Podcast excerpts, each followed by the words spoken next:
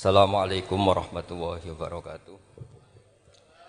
Bismillahirrahmanirrahim. Alhamdulillahirabbil alamin. Wassalatu wassalamu ala asyrafil mursalin sayyidina Maulana Muhammadin wa ala alihi wa sahbihi ajmain nama ba'du.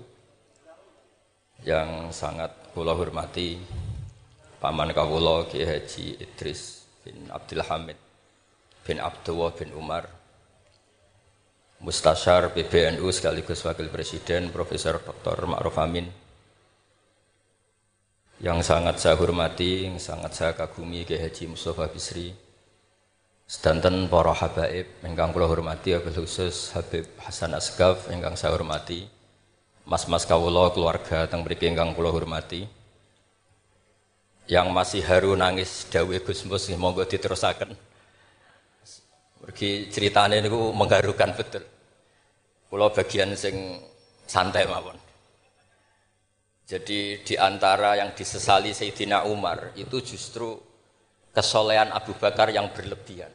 Karena nirune terus kangelan. Terus kalau mau ngertos nih kelakuan Mas Amak, Mas Aziz, soleh pas-pasan supaya anaknya lebih ringan. Itu jadi nirunya lebih ringan. Jadi Abu Bakar ketika diangkat jadi khalifah, itu pagi harinya masih ke pasar bawa dagangan. Ditanya beberapa sahabat, kamu mau ke mana? Ya mau ke pasar. Ngapain? Ya cari rezeki untuk keluarga kami. beberapa sahabat, kata beberapa sahabat, kamu tidak usah melakukan itu. Singkat cerita terus ada rapat supaya Abu Bakar itu digaji. Akhirnya digaji dan beliau nggak perlu kerja tapi fokus memikirkan umur al muslimin. Tapi setelah beliau mau wafat, itu semua gajinya dihitung, kemudian nyuruh keluarganya diganti. Akhirnya diganti. Setelah diganti, beliau dalam posisi wafat, segala kebaikannya diceritakan. Itu komentarnya Sayyidina Umar itu lucu. At taman badak. Mbok nak soleh aja nemen-nemen, sing genti ku repot. Jadi kalau Mbah Hamid itu terkenal alim, terkenal wali, terkenal dunia ini mustajab, itu sing repot itu putune. Kalau nak gue Mbah Idris rawani, mereka paman. Tapi nak Terus niku repot putune. Misalnya apa yang ganteng ya kalah ganteng, apa alim ya kalah alim, dungo mandi ya kalah mandi. Pokoknya kalah kabeh. Terus repot.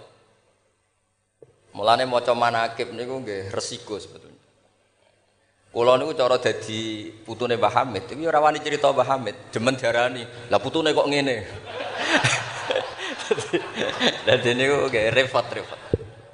Terus ini nak Gus Ipul mau nyerah mek kula. Kula pun nyerah Gus dadi wali, mun kepengine wali kota mawon. niku mon mon cocokan kalian kula pas kawine napa nek kae Mas Aziz. Terus babai wali tadi dekne frustasi, mun mun frustasi. Mboten kepen dadi wali wali kados babai tapi terus kepen dadi wali kota. Itu kalau gak tawaduk ya frustasi memang. kalau gak tawaduk ya frustasi. Tapi bagus lah. E, karena ciri utama wali itu ngurusi amror ro'iyah, urusan apa? Rakyat. Jadi itu wali betulan maupun wali kota itu ada titik samanya. Yaitu sama-sama memikirkan urusan apa? Rakyat. Bedanya yang wali betulan digaji Allah, yang wali ini digaji negara itu saja bedanya. Tapi tapi sama-sama ihtimam bi umuril muslimin, sama-sama serius mengurus urusannya orang-orang Islam. Saya kalau tadi saya memang menyiapkan materi yang ilmiah karena saya punya naskah Nadzumanipun Sulam Taufik yang dinadumkan Mbah Hamid. Nanti saya terangkan. Tapi karena merujuk pun Mbah Mus, Mbah Hamid itu sepupu sama mbah saya, sama-sama lahir di rumah di Lasem di Al Fakhriyah. Itu memang mulai dulu terkenal wali, mulai kecil. Tapi saya akan cerita dari sisi keilmuan beliau. Beliau lama sekali ngaji di Mbah Khalil Harun, jadi mertuanya Ki Bisri. Tapi lebih lama lagi ngaji di Mbah Dimyati. Mbah Dimyati itu 12 tahun. Sampai dapat julukan Abdul Juman Juman itu satu nazuman ilmu balaghah yang paling sulit. Jadi balaghah itu ada karangan Mustafa Al-Hulaya ini, itu yang bentuk nasar itu masih gampang lah. Ada Jauharul Maknun itu masih gampang. Setidaknya bisa dianggap gampang. Kalau nggak gampang ya dianggap gampang. Tapi yang paling susah itu juman. Saking susahnya itu nggak ada yang bisa nyarai. Akhirnya mau alifnya nyarai sendiri. Itu namanya kita buku juman. Tadi didel gak payu akhirnya dipayoni mau alifnya sendiri. Karena kaidahnya sudah ruwet dan itu di antara keahlian beliau memang tentang juman. Seperti yang diceritakan Gus Mus tadi, diceritakan Mbah Mus tadi. Kalau orang ahli balaghah itu mengutarakan sesuatu itu indah. Itu yang yang dimuyai para ulama-ulama dulu. Tapi ya resikonya kalau sudah menghujat, itu ya sejelek-jeleknya. Itu orang Arab itu kalau sudah benci seseorang dan membayangkan wajahnya jelek, itu orang Arab kalau bilang itu kabra roten nakarot hati. Jadi wes koyok tletong garing sing dicucuki pitik. Wong tletong garing wes elek ijek dicucuki napa? Pitik. Jadi orang Arab itu memang ahli ahli balaghah. Jadi kalau muji ya sundel langit, nak menjatuhkan juga sejatuh-jatuh. Dan itu ada ilmunya. Sehingga orang Arab itu misalnya muji orang baik, apa berperilaku ya, berperilaku gimana kalau kamu hubungan dengan orang sekitar anda. Itu unik cara berpikir orang Arab. Karimun mata amdahu amdahu wal waro. Ma'i wa idha malum tuhu lum tuhu wahdi. Kalau saya kenal kiai, kalau saya kenal habib atau kenal orang alim, itu orang-orang mulia. Orang mulia itu cara memperlakukan gimana? Karimun mata amdahu, mesti amdahu wal Sekali saya muji dia, pasti saya puji bareng-bareng orang banyak.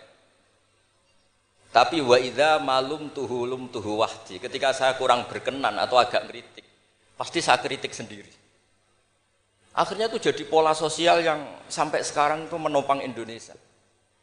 Indonesia itu begitu mencintai Pak Karno, Pak Hatta, mencintai para pendiri bangsa ini.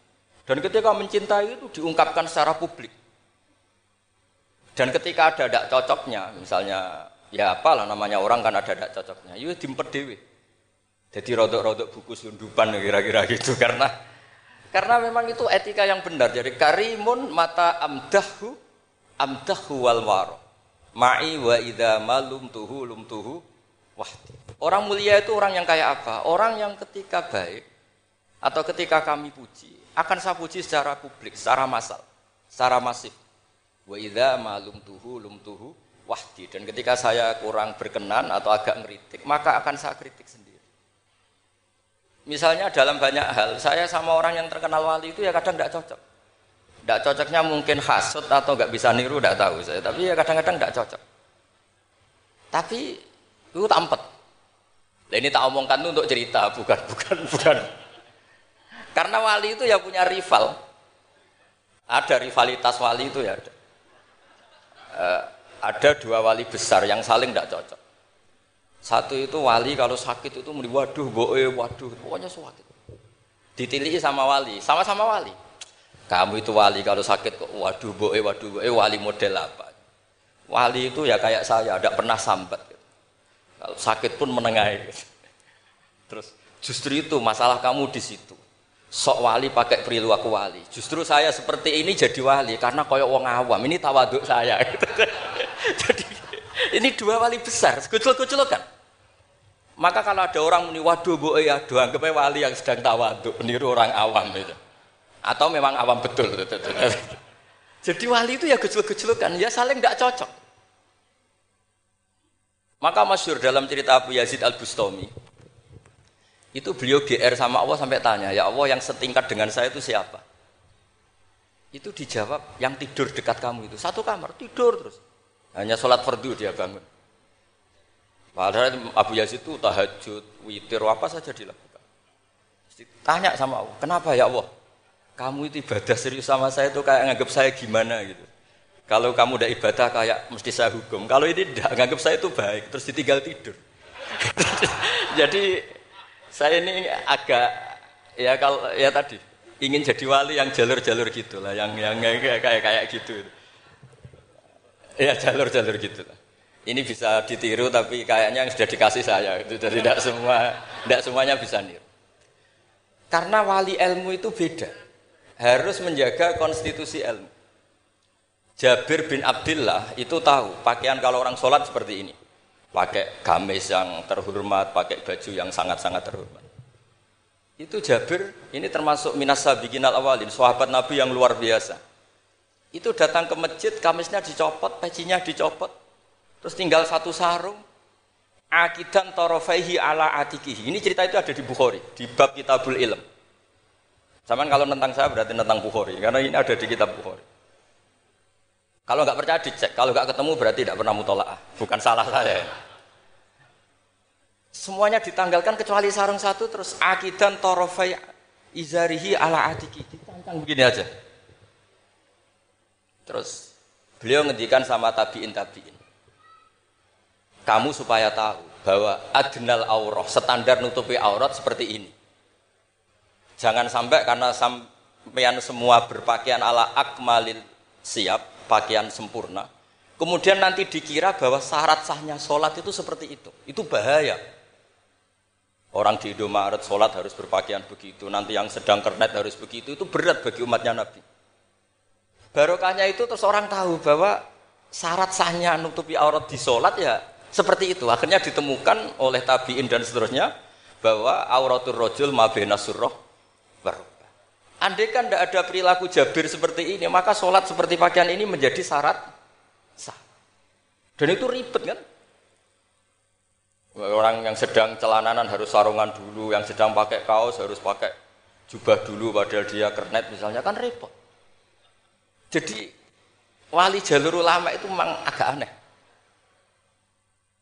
Makanya ya jangan ditiru lah kalau udah ulama jangan ditiru.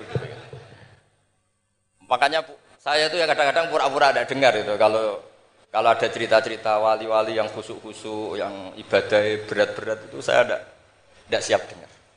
Saya lebih siap dengar begini, muat itu ngimami sholat, bacanya kepanjangan. Alhamdulillah ditegur Nabi, kalau ngimami jangan panjang-panjang.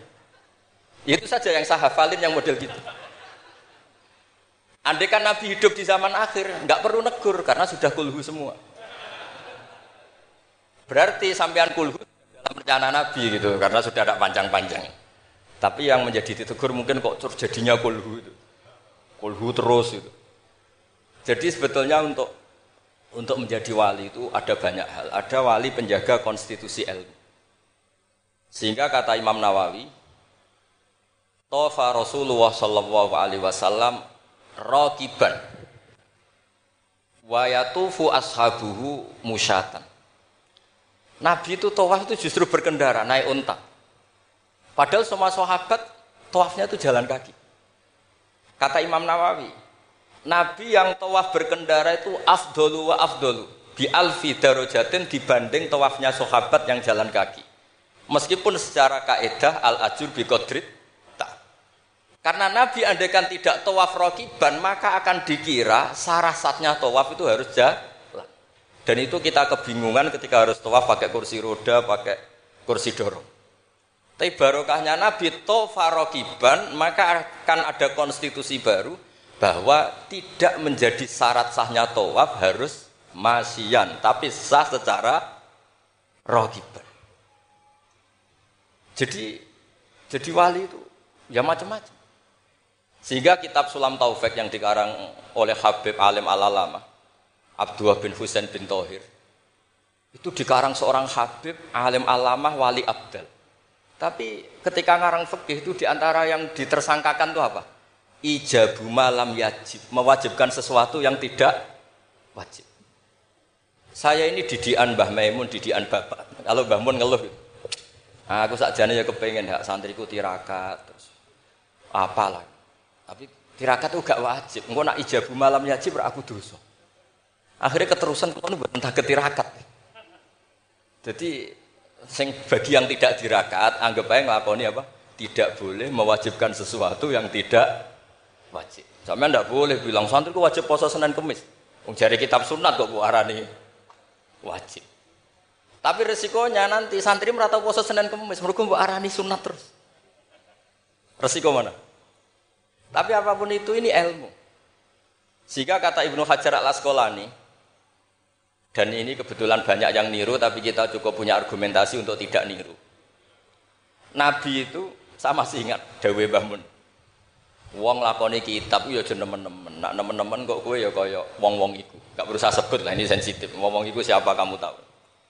Nabi itu kalau habis sholat, karena Rasulullah Shallallahu Alaihi Wasallam idan sorofa min sholatihi akbala alal hadirin atau alal musallin. Jadi Nabi setelah sholat, kalau beliau menghadap kiblat, setelah itu menghadap ke mana? Ke timur karena akbala alal hadirin. Tapi para syurrahul hadis, para syurrahul bukhari, itu menafsirkan itu tidak harus menghadap ke timur itu adalah bentuk maklumat dari Nabi bahwa imam setelah sholatnya selesai harus mengatakan sesuatu atau melakukan sesuatu apa saja untuk memaklumatkan kalau sholatnya sudah apa? selesai. Kenapa itu harus demikian? Kata Imam Bukhari, kata Surahul Bukhari, orang itu berjalan 3 kilo, 7 kilo demi menangi Nabi itu jadi makmum. Bayangkan kalau Nabi tetap menghadap kiblat dengan posisi kayak tawarruk lungguh tahiyat akhir, nanti Nabi dikira masih sholat.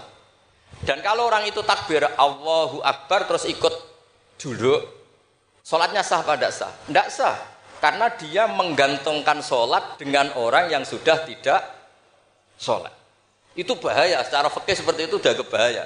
Karena irtibatus sholat biman laisafi sholat dan dia menggantungkan sholat dengan orang yang sudah tidak sholat. Dan itu secara fikih bahaya, maksudnya bahaya dianggap gak sah. Untuk memaklumatkan itu maka Nabi menghadap ke timur kalau dalam konteks Indonesia supaya mereka tahu kalau Nabi sudah tidak sholat. Kiai Kiai Jawa pinter penggantinya kalau madep timur kok sawangane apa ngandani. Akhirnya madep ngalor. Ini sudah kompromi politik, ini sudah ada ngadep netan, tapi madep ngalor. Ada yang nggak madem ngetan, nggak madem ngalor, tapi muni astagfirullah, astagfirullahaladzim, astagfirullah. Sementing jangan tunjukkan dengan rokokan. Nah, itu nggak boleh. Jadi makanya nggak boleh membuang ilmunya ulama. Karena dengan penjelasan seperti itu sebenarnya yang paling pokok adalah pemakluman bahwa sholat ini sudah selesai. Sehingga yang datang tidak menjadi makmum. Karena sekali yang datang posisi makmum itu nanti dia menggantungkan sholat dengan orang yang sudah tidak sholat. Kayak apa guru-guru kita? Dan itu bisa dipelajari dari kitab-kitab kesayanganipun Mbah Hamid. Saya dengan beliau kalau pakai keluarga, beliau sepupu mbah saya. Kalau pakai sanat guru ya misalnya saya sering ngaji sekali sama Mbah Maimun. Mbah Mun bisa lewat Mbah Zuber. Mbah Zuber dulu ngaji Kiai Fakih Mas Kumambang yang di Gresik itu. Kiai Fakih ini ngaji sama Kiai Mahfud Termas. Berarti saya kelima. Kalau Mbah Hamid misalnya ini Gus Ama, Mbah Idris, Mbah Hamid, Mbah Dimyati. Mbah Dimyati itu adik kandungnya Kiai Mahfud Termas juga muridnya. Jadi jadi hitung sanat itu nanti ketemu semua di Sayyid Abi Bakar Sato, pengarang I'anatut Tolibin. Atau misalnya saya pakai saya Mbah Mun, Mbah Karim Lirboyo. Mbah Karim ini sama Syekhona Khalil atau sama Mbah Hashim. Setelah itu Mbah Mahfud ya sama Dugi Sayyid Abi Bakar Satu. Karena Syekhona Khalil di beberapa manakibnya itu pernah ngaji langsung sama Sayyid Zaini Dahlan, gurunya Sayyid Abi Bakar apa? Satu. Tapi ketika masih uh, sebagai tolibul ilmi pernah ngaji juga di Sidogiri, pernah ngaji di babah istrinya Gus Aziz ini di Kiai Nur atau di Kiai Soleh di Langitan. Jadi kesanatan guru kita ini sama. Di antara aturannya adalah tadi, konstitusi ilmu itu harus dijaga. Karena kalau nggak dijaga itu umat akan ngira itu aturan baku dan itu bahaya. Bahaya sekali, bukan sekedar bahaya, tapi bahaya sekali. Sehingga Syed Abdullah bin Husain bin Tohir dalam Sulam Taufik itu di antara pantangannya ahlul ilmi itu ijabu malam yajib. Mewajibkan sesuatu yang tidak wajib. Makanya saya sering nangis. Andaikan orang-orang Islam itu ikhlas. Dan berperilaku kayak umumnya orang, itu jadi wali semua. Karena yang qobliyah terus ya baik, yang badiah terus baik, yang tahajud witir ya baik. Tapi bayangkan misalnya ada orang mau masuk Islam, Kebetulan sing didelok orang seperti itu, ras itu Islam kira-kira. Duha walang rokaat. Sholat duha itu paling abdul kan 8. Duhur kobliyahnya 4, badiahnya 4. Asar kobliyah, badiahnya goblok kalau asar. Bukan bukan dipuji karena salah. Maghrib sholat awabin sampai isya. Isya itu witir itu sebetulnya 11 rakaat. Ditambah dia isak berarti 13 rakaat. Iku kira-kira sing apik Islam ora sida, mergo wegah salate. Tapi baru kayak wong Islam sing ra soleh-soleh, salate pas pendak maktubah. Wah kita Islam kok gampang. Cek rokokan, bareng komat pateni, semelok sholat. Bar salam balik nang rokoknya dirokok. Ya sudah gitu sampai mati gitu. Kok kok penak ternyata Islam itu tidak tidak ber. Itu juga ada sanatnya. Ada seorang Arabi tanya, "Ya Rasulullah, Islam itu apa?" Khamsu sholawatin. Terus dia tanya, "Hal alayya ghairuha ya Rasulullah?" Qala la illa anta tawwa. Gak isi tok pas. Sampai lima rukun Islam dijawab. Dan si bedui ini bilang apa? Wallahi la azidu ala dzalika wala angkus. Saya demi Allah, tidak akan saya kurangi, tidak akan saya tambahi. Pas ya Rasulullah. Tapi niki Islami bedui loh, sampai nak niru monggo. Tapi apa kata Nabi? Man sarrohu ayang zuro ila ahli jannah fal yang ila hada. Siapa yang suka melihat ahli surga, lihat orang ini. Orang yang sudah bersumpah tidak akan menambah ibadahnya sama sekali. Kamu tidak boleh niru itu. Tidak usah saya larang juga sudah sebagian begitu. Tapi itu barokahnya luar biasa. Di kitab Majmuk, sarahnya Muhadzab itu. Setiap ada ulama yang mengatakan witir itu wajib. Ada juga ulama yang mengatakan witir itu wajib. Itu langsung. Wahada batilun li hadisil a'robi. Pendapat itu jelas salah li hadisil Arabi. Karena ada hadis Arabi jelas tanya Nabi hal aliyah ghairuha ya Rasulullah? Di luar lima waktu itu apa ada yang wajib? Qalalah jadi barokahnya bedui ini. Setiap ada ide witir wajib tahajud wajib. Pernah ada ide-ide itu ya ada itu langsung wahada batilun di hadisil Arab ketika era Imam Malik beliau mengarang muwatta ini sebagai bentuk penghormatan saya sama Mbah Hamid karena kalau beliau terkenal wali itu tidak usah saya terkenalkan. Saya akan mengikuti Mbah Mus tadi. Sisi belatapa beliau seorang alim alama, seorang ahli balaghah. Nanti saya baca, saya juga bawa manakibnya beliau. Ketika Imam Malik mengarang muwatta, itu di teks muwatta itu ada kalimat begini. Ghuslul Jum'ati, ada yang baca Ghuslul Jum'ati wajibun ala kulli muhtalimin Mandi Jumat itu wajib bagi setiap yang sudah akil balik. Al witru hakun wajibun ala kulli muslimin. Itu Imam Malik langsung nyusuli. Laisa huwa kama tarawuna. Makna wajib di situ bukan seperti yang kamu bayangkan. Jadi tidak wajib kalau ditinggal nggak mandi terus nggak apa? Sah. Lagi-lagi jawabannya apa? Li hadisil a'robi. Nah ini juga harus ada yang menjaga konstitusi seperti ini. Sehingga kata Sayyid Zabidi, pengarang kitab Ithaf itu. Kalau kita sampai Ithaf ya hitung saja. Setelah Mbah Mahfud, Mbah Mahfud ini punya abah alim alama namanya Abdullah. Abdullah punya abah alim alama namanya Abdul Manan. Abdul Manan ini awaluman lazama Sayyid Zabidi sohibul Ithaf di Mesir.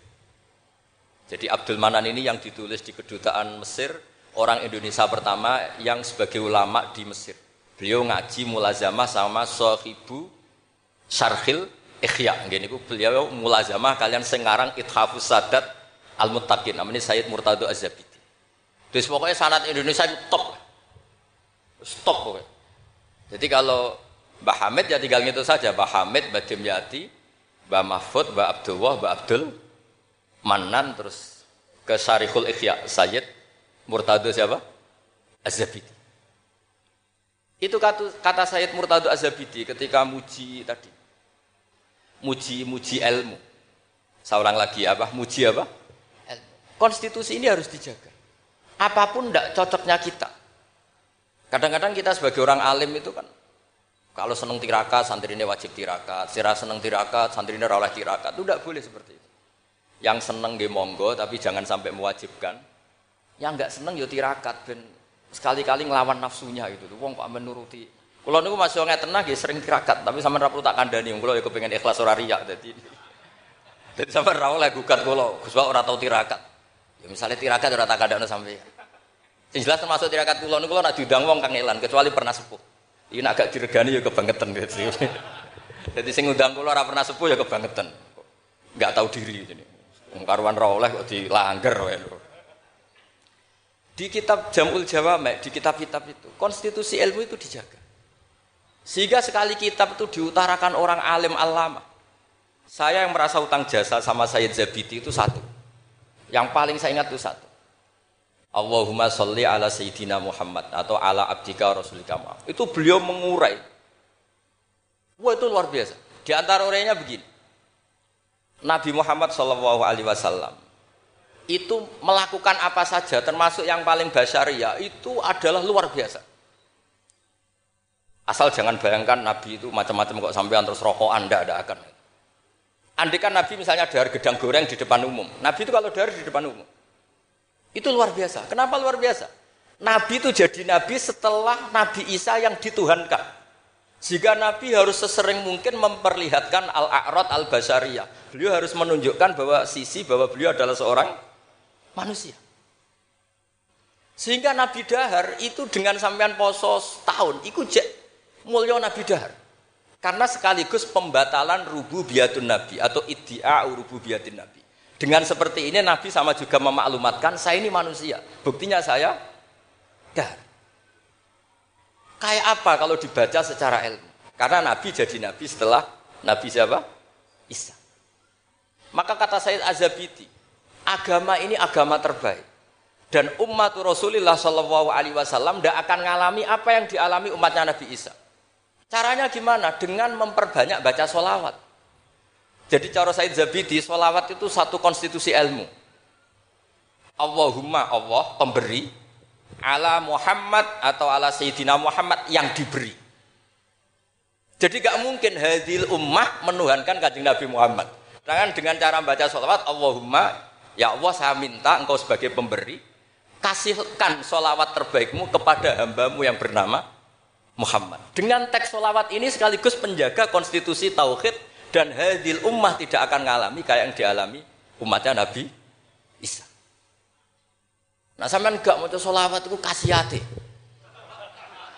Nak diwaca sakmene nyaur utang, nak sakmene untuk bojo ayu, nak sakmene iso wayo, wis ngono kelakuane. Itu saya tidak tertarik. Wong kok ora tau ngergani ilmu menurut saya. Saya baca sholawat itu ya tidak banyak-banyak ya dua tiga, tapi dengan penghayatan kayak saya Zabidi. Ya akhirnya ya rapati terus ramat kok sampean, tapi secara konstitusi ilmu lebih diridhoni Allah mbek Rasul. Aku yakin, aku yakin. Karena tadi Nabi itu jadi Nabi setelah tragedi Isa di Tuhan. Sebab itu Said Muhammad ketika muji Rasulullah Shallallahu Alaihi Wasallam itu selalu mengutip Dawe Al Busiri dak da'at hun nasoro fi nabihimi wahkum bima syi'ta madkhan fihi wahtaki. Kita semua tahu Mbah Hamid adalah pengagum kitab Burdah dan beliau sering baca Burdah. Di antara Burdah yang dipakai semua ulama, termasuk Syed Muhammad, setiap ngarang madaih itu apa? Dak ninggal nosiro, ma ing perkara iddaat kang mendakwahkan hu mas an fi nabi.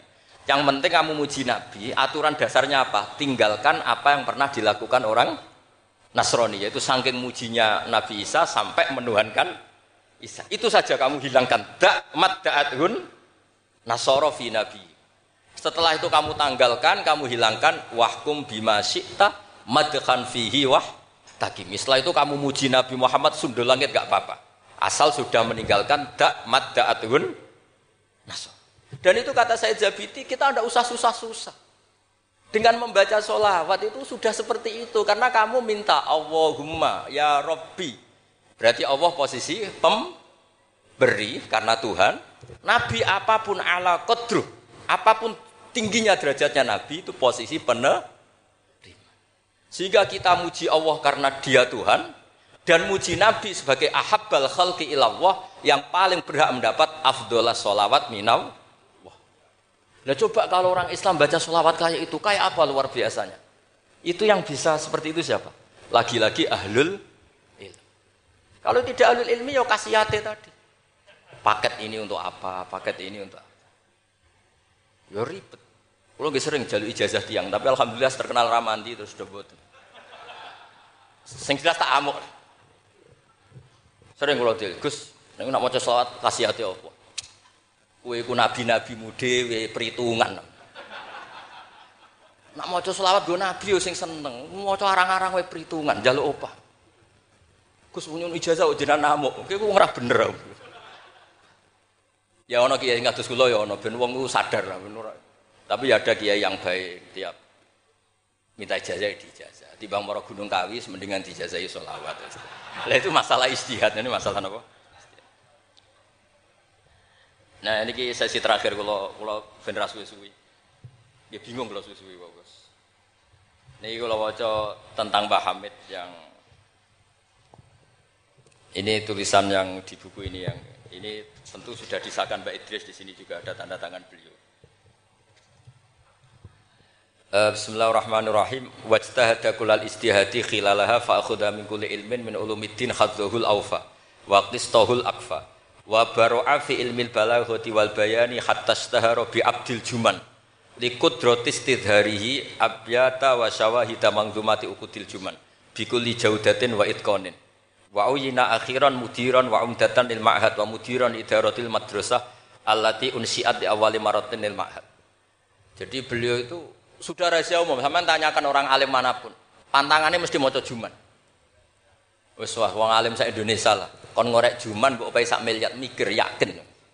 Pemene nak sing ngaji kula. Nak sing ngaji wong goblok mungkin rada aman lah napa.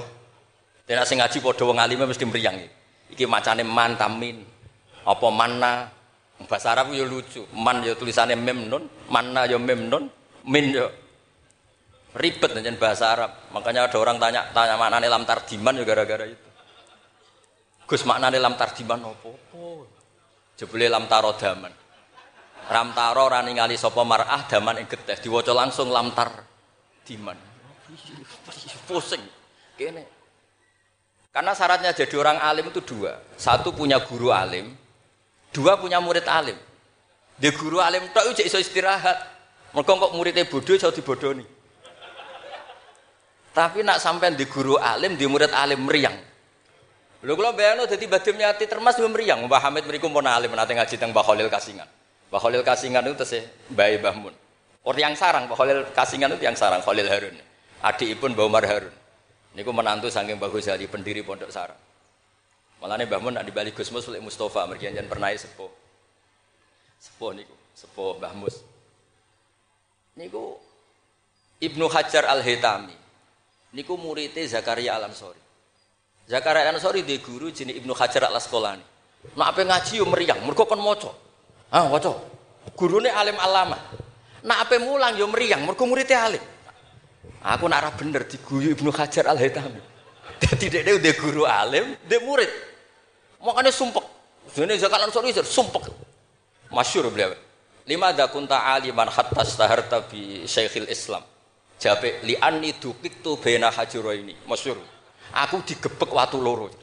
Ya aku nak ngaji yo sumpek perkara di guru alim alama. Nak ape mulang yo sumpek mergo murid alim alama. Ya meriang. Jadi akhirnya yo nak ngaji yo mutolaah, nak ape mulang yo mutolaah. Mergo muridnya pinter. Zaman itu terkenal jadi Hajar Al Haytami, alim alama. Wong karangane luwe akeh dibanding gurune. Jadi mulane di murid Orang alim ya barokah maksudnya sampean gue jadi jadi ojo men ngeluh murid kok uga alim alim iku Allah sudah menyediakan berkah kena muridmu alim iku meriang Mulane sing syukur mun sing syukur urip sing syukur ora usah bayangno sing aneh-aneh Gus kula di murid sing alim-alim Allah ndak menyediakan itu Nah iku nyata iku ribet Mulane donga dikira-kira Donga sekali ra bener iku mari trauma kalau bolak balik cerita. Hikam itu termasuk orang yang nggak pati suka kalau orang berlebihan berdoa karena beliau cerita. Ono wali, tukang hamal, hamal itu tukang manol. Dia dapat uang kalau kerja di pasar tukang angkut barang. Setelah punya uang, coro sekarang ya sepuluh ribu pulang, terus ibadah. Karena dia gak ingin kaya, wong wali kok uben suga, ya wali aneh. Tapi nak wali kok rasuga itu ya aneh juga.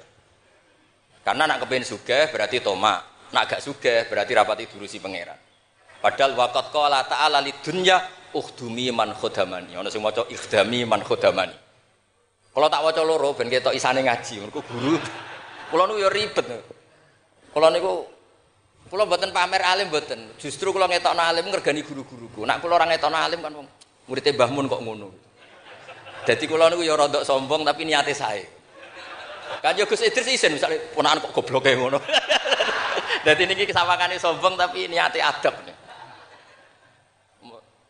Mboten niki jujur mawon. Dadi kadang wong sawangane sombong hakikate iku adab. Cara bapak ngoten. Dadi wong sawangane sombong tapi apik. Ya mergo saking tahadus bin bin. Wong nak wali tenan mesti Allah dawono ning donya ukhdumi man khodamani atau ikhdami man khodamani. Wong sing ngurusi aku iku urusi. Makanya mesti atat dunya wa hiya rahimah. Wong wali ku mesti donya teko meskipun dia tidak seneng. Lane sing nawani mobil Mercy kayak Hamid zaman iku Mercy mewah-mewah mobil kayak kuat. Ya rapati ono cerita butuh di Fatihah untuk punya mobil. Dan Mbak Bisri ya luar biasa, Mas yo konco ngakoni nak dongane Pak Hamid. Mantap. Meskipun yo sering bodoni Pak Hamid Ki Bisri, masyhur ceritanya. Ki Bisri nanti diundang ke mriki mboten disangoni Mbak Ki Hamid. Umur kok konco. Wis dah aku rabuk sangoni klambimu tak pek. Bareng dipek dibeto teng kasing teng Rembang mriku didol mbek mukhibine Mbah Hamid. Payune luwih larang timbang harga hargamu balik. Zaman itu misalnya umumnya balik dipangoni sak juta setengah, itu payu tolong juta. Yo gak ada cerita ngoten enten WA, kayak Bisri kalian ke Hamid atau WA nan. Bareng kayak Bisri sewan susu susuke Kang, susuke Kang. Jadi jadi di sini wali ya ya rileks guyon santu. Jadi singkat cerita nih hamal nih dungo ya Allah kula niku wali mau kepengen mangan sak piring udah dadi hamal. Kula niku sukani rezeki sing ora usah kerja. Walhasil beliau itu udu iya sarikon di dakwah dia mencuri terus di penjara. Penjara untuk jatah mangan, tiap hari untuk jatah mangan. Gusti kenapa harus penjara? Kan kamu minta rezeki tambah kerja. Gak iso sampai pangeran ralat doa mboten saged. Mulane donga niku aja aja ya sing ana sunah Rasul. Mergo nak sekali keliru niku ribet. Mulane kula nate wonten tiyang melarat wedok. Elek kebetulan niku rayu. Yo dongakno Gus, dongakno bojo kula niku sugih. Aku ya tak jawab. Sampean siap nak bojomu sugih. Maksudnya nak sugih mesti pertama digenti ku omah. Bariku mobil. Bariku mesti dievaluasi ku sampean. Omah wis apik, mobil wis apik, mau karek sitok. Kok penumpangnya ngene. Akhirnya mun Gus Rafsa, Gus Rafsa.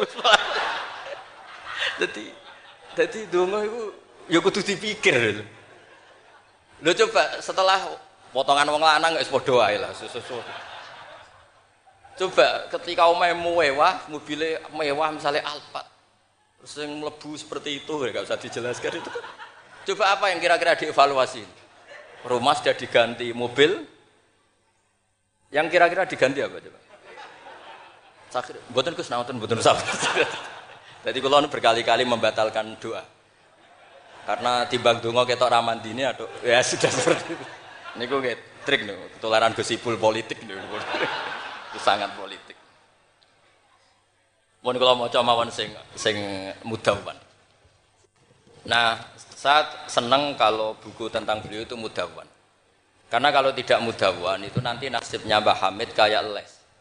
Alaisu afqahu min Malik illa annahu doya'ahu ashabu. Itu dawe Imam Syafi'i. Sebetulnya Imam Les itu lebih alim ketimbang Imam Malik dalam hal fikih. Illa annahu doya'ahu ashabu. Tapi ashabnya Les menyia-nyiakan. Artinya gini, Imam Les itu punya karangan, punya perilaku, tapi sama murid-muridnya tidak didokumentasi. Akhirnya orang tidak tahu lagi Imam Les. Padahal itu rival debatnya Imam Malik. Makanya penting bagi ini ada Gusama, ada Mas Aziz, supaya mengabadikan tulisan-tulisan Hamid, termasuk Nazuman Sulam Taufik. Karena bikin nazuman itu tidak gampang. Dari kata nasar, prosa, dinazumkan itu kan butuh keahlian. Karena nazuman itu harus notnya sama, akhirannya sama mengganti kalimat yang prosa itu kan tidak gampang. Ini sudah saya cek karena saya tiap hari juga baca Sulam Taufik. Itu sama sekali nggak ada yang dibuang dari kata aslinya. Kata aslinya yang di Sulam apa? Taufik. Jadi seni seni bikin nazuman itu ya tidak ya gampang. Misalnya begini, saya beri contoh yang terkenal ya. Kenapa saya milih yang terkenal supaya lebih gampang? Zaman Sayyidina Ali karomah wajah masih sugeng itu ngendikan begini. Yaksimu dhuhri, ada riwayat kosoma dhuhri rojulani. abidun jahilun wa alimun fasikun. Yang merusak Islam itu hanya orang dua. Orang abid tapi bodoh, orang alim tapi fasik. Itu ulama dulu segampang ini membuat padanan itu dan maknanya sama. Fasadun kabirun alimun mutahatiku wa akbaru minhu jahilun mutanassiku. Kerusakan besar kalau ada orang alim yang fasik. Tapi lebih rusak lagi kalau ada orang bodoh ahli ibadah. Itu ya anak tolibin. Saya Abi Bakar Sato, gurunya Mbah Mahfud. Berarti Mbah Mbah Hamid, Mbah Dimyati, Mbah Mahfud, saya Abi Bakar apa? Sato. Berarti e, guru keempat. Itu punya cerita. Kenapa orang alim yang fasik afdalu min jahilin mutanasik atau min jahilin abidin? Terus dua orang ini berdebat. Ya apik wong bodoh lah, piye ahli ibadah tetap apik. Mula wong alim tapi fasik. Dua orang ini akhirnya sepakat. Marani wong bodoh sih. Marani wong bodoh ya pasti ibadah jadi wong bodoh. Ibadah. Dua orang ini ya rada kurang ajar wong loro. Ya fulan ana rabbuka, aku iki pangeranem. Suweneng aku kowe nyembah aku terus. Tapi mulai saiki wis tak bebasno. Sesuk-sesuk ora ibadah apa-apa, wis tak ridani, tak ridani. Aku langsung nih, hore sesuk wis bebas. Saking bodone. Umpama dekne ngaji kan ngerti. Sautullah harfu iku Allah iku nak ngendikan gak nganggo sautun ka sautil adam. Umpama dekne tahu ngaji kan Allah iku mukhalafatul ora mungkin Allah kok diswara kaya ngono iku ora mungkin. Tapi matur nuwun Gusti, matur nuwun, matur Gusti. Mulai sesuk kula mun mboten salat malih. Menang sing sitok hmm, delok bodho. Wis, akhirnya golek wong alim sing fasik. Dilai pas mabuk jenenge fasik. Mabuke jenenge masjid bisa. Wong alim piye bisa jadi bau-bau masjid. Mabuk ning masjid. Seneng sing sitok. Wah, satu-satu berarti mergo sing mau bodoh sing sitok mabuk. Seneng sing sing dia pendapat ya apik wong abid sing bodoh timbang alim fasik. Mergo pas mabuk. Oleh muni ya padha kok pager. Ya fulan. Ama tastahi minni ana rabbuka. Mbok wong diisin to ambek aku. Aku pangeran ndelok kowe kok amen mabuk. Si wong alim mau masuk mabuk iki jadi sisa-sisa alime. Golek pedang. Ya fulan, ulimu kal ana rabbak. He fulan, tak ulang pangeranku sapa? Ono pangeran kok nyuwara. Dibedak. Artinya dek ini cek memenuhi definisi ilmu nak Allah mukhalafatul lil khawatis. Wis mabuk lho cek waras. Ya maksudnya nak iso ya aja bodoh aja ngono maksudnya nak iso. Tapi ini kalau cerita tentang Mas Sama, tentang Mas Aziz ini Mas-mas kula sedanten. Enggak gampang. Jangan kira terus ini hanya nukil, enggak gampang. Dari lafat apa nasar, prosa, kemudian menjadi apa? Nazuman kayak tadi dari kosoma dohri rojulani. Terus diganti apa fasadun kafirun alimun mutahatiku wa akbaru minhu jahilun mutanasi. Ini saya beri contoh ya. Uh, tak beri contoh. Mari sampean dorang tidak semuanya ngaji sulam taufik. Nah, kalau ngaji itu serati ngertos dari teks aslinya. Misalnya begini ya, ini yang Hatmun alal mukallafid dukhulu fi dinina ja'a bihi rasulu ma'a subuti fihi bidawami wa akhdhi lazimin ahkami. Ini kan persis teks di aslinya. Sampai siapa pun yang ngaji sulam taufik pasti tahu. Terus eh, kada kafis sifati wal af'ali subhanahu an al sunil juhali. Ini mengganti ta'ala amma yaquluna uluwang kabiro. Ursila rahmatan ilal makhluki turun wal ma'rufu bil masduki. Ini berarti pengganti kata rahmatan lil alamin. Terus ini yang yalzamu kullu muslimin ayamna'a islamahu wa saunu amma qata'a min qaulin aw fi'lin aw wa walladhi yatuna birtidati. Ini kan waqat fasha tasahulul kalami fi zamani mukhrijil islami. Itu kan di apa? Di kitab Sulam Taufik memang kalimatnya seperti itu. Wayak suruh ada zaman atas sahul fil kalam begini begini sampai keluar dari mereka kalamun sing mengeluarkan mereka dari nopo is Islam. Terus di sini diganti wakot fasa tasahulul kalami fidas zaman di mukhrijil islami wala yarona dzaka dzamban fatla angkau nidzakal fi'li kufron asla. Itu kan meskipun kamu hanya dengar itu persis seperti kata nasarnya. Tapi oleh Mbah Hamid digubah monggo Mbah Sedemikian supaya menjadi nadoman yang mudah dihafal. Jadi itu butuh malakah. Nah kenapa beliau punya malakah itu? Karena ketika ditermas di antara kitab yang beliau kaji, itu adalah Ukudul Juman sampai punya gelar Abdul Juman. Jadi saking mulazamahnya kayak kamu kalau suka uang itu kalau orang Arab bilang Abdul Dinar. Makanya Nabi kalau ngeritik tak isa Abdul Dinar, tak isa Abdul Dirham. Jadi kalau orang menekuni sesuatu itu disebut apa?